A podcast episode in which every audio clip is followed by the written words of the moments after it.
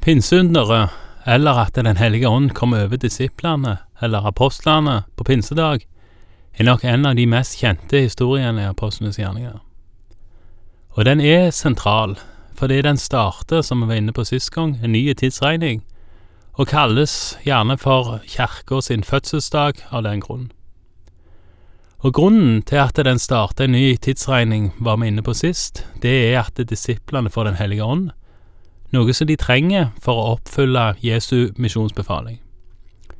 Jesus befalte i Mattes 28 å gå ut i all verden og gjøre disipler ved å døype og lære opp i alt det som Jesus hadde lært. Og det hadde de egentlig på plass òg før pinsedag. Det som mangla, er da slutten, der Jesus sier, Og se, jeg er med dere like til jordens ender. Og det kommer på plass med at Den hellige ånd, eller Jesu ånd, kommer over dem. Og Det kan være nyttig å få med seg at Jesus sjøl her da faktisk påpeker at denne tidsregning skal vare til jordens ende, eller til Han kommer igjen. Med andre ord, denne tidsregning gjelder nå, den gjelder fremdeles. Vi leste første del av kapittel to sist gang, da altså selve underet, og har nå kommet til Peters tale. Vi leser fra Apostlenes gjerninger, kapittel 2, vers 22. Israelitter, hør disse ord. Jesus fra Nasaret var en mann som Gud pekte ut for dere med mektige gjerninger og under og tegn som Gud lot ham gjøre blant dere. Alt dette kjenner dere til. Han ble utlevert til dere, slik Gud på forhånd hadde bestemt og kjente til, og ved lovløses hånd naglet dere ham til korset og drepte ham. Men Gud reiste ham opp og løste ham fra dødens rier. Døden var ikke sterk nok til å holde ham fast. For David sier om ham, Alltid har jeg Herren for mine øyne. For han er ved min høyre side, jeg skal ikke vakle. Derfor gledet mitt hjerte seg, og min tunge jublet, og selv kroppen skal slå seg til ro med håp. For du skal ikke forlate min sjel i dødsriket, og ikke la din hellige se forråtnelse. Du har lært meg å kjenne livets veier, og du skal fylle meg med glede for ditt ansikt. Her gir Peter noe som både Jesus og andre har gjort før han, og som flere gjennom Det nye testamentet skal gjøre etter han. Peter tolker de gamle profetier og gir det en forståelse i lys av Jesu liv. Det som han her siterer, er en salme av David, som vi har som salme 16. Og som vi skal lese den, så tolker han den òg. Vi leser videre nå ifra vers 29. Brødre, la meg tale fritt og åpent til dere om vår stamfar David. Han døde og ble gravlagt, og den dag i dag har vi graven hans hos oss. Men han var en profet, og visste at Gud med ed hadde lovet å sette hans livsfrukt på hans trone. Derfor så han inn i fremtiden og talte om at Messias skulle stå opp. Det var han som ikke skulle bli værende i dødsriket, og det var hans kropp som ikke skulle se forråtnelse. Denne Jesus har Gud reist opp. Det er vi alle vitner om. Han ble opphøyd til Guds høyre hånd og mottok fra sin far Den hellige ånd som var lovet oss, og den har han nå øst ut slik dere ser og hører. For David for ikke opp til himmelen, han sier jo selv, Herren sa til min Herre, sett deg ved min høyre hånd til jeg får lagt dine fiender som skammel for dine føtter. Så skal hele Israels folk vite for visst. Denne Jesus som dere korsfestet, ham har Gud gjort både til Herre og Messias. Det siste salmesitatet Peter her har, er da altså fra Davids salme nummer 110. Og logikken i Peters framstilling her og òg tidligere, når han refererte og siterte eh, profeten Joel og hans profeti om Herrens dag, den er ganske tydelig. Det virker som at Peter prøver å argumentere for at Jesus for det første er den Messias som jødene venter på, og for det andre, han er ikke lenger død og i dødsriket. For dersom Jesus var død og i dødsriket på det tidspunktet, kunne han jo ikke være i himmelen og gjøre i stand et sted, og ei heller sende Den hellige ånd. Vi leser videre fra vers 37. Da de hørte dette, stakk det dem i hjertet, og de sa til Peter og de andre apostlene, Hva skal vi gjøre, brødre? Dette verset er sentralt, tenker jeg, da særlig første del. Da de hørte dette, stakk det dem i hjertet. Hvorfor det? Peter hadde jo vært ganske tydelig i sin forkynnelse, og, og knytta det tydelig til bruk av Guds ord. Da skjedde det noe, og det som skjedde var at forkynnelsen stakk de i hjertet og de lurte på hva de skulle gjøre. Det samme skriver Paulus om i sitt brev til romerne i kapittel 10, vers 17. Så kommer da troen av det budskapet en hører, og budskapet kommer av Kristi ord. Budskapet ifra Peter, eller vel egentlig ifra Kristi ord gjennom Peter, gjorde at det stakk de i hjertet, og de spurte hva de skulle gjøre.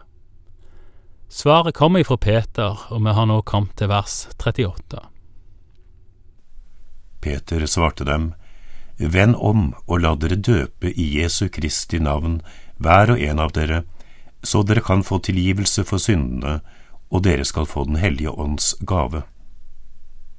For løftet gjelder dere og barna deres og alle som er langt borte, så mange som Herren vår Gud kaller på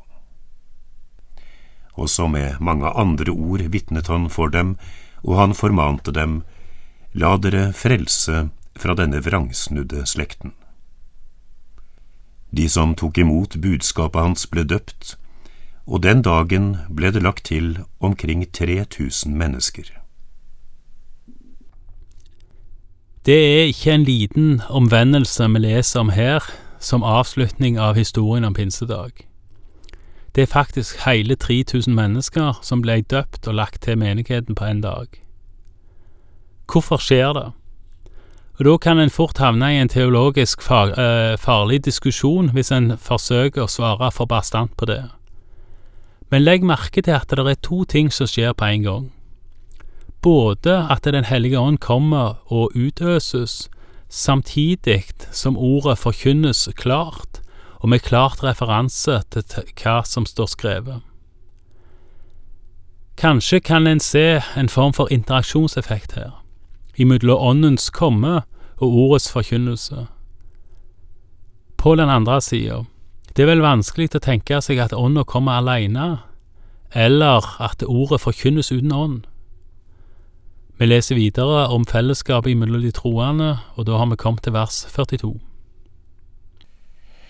De holdt seg trofast til apostlenes lære og fellesskapet, til brødsbrytelsen og bønnene.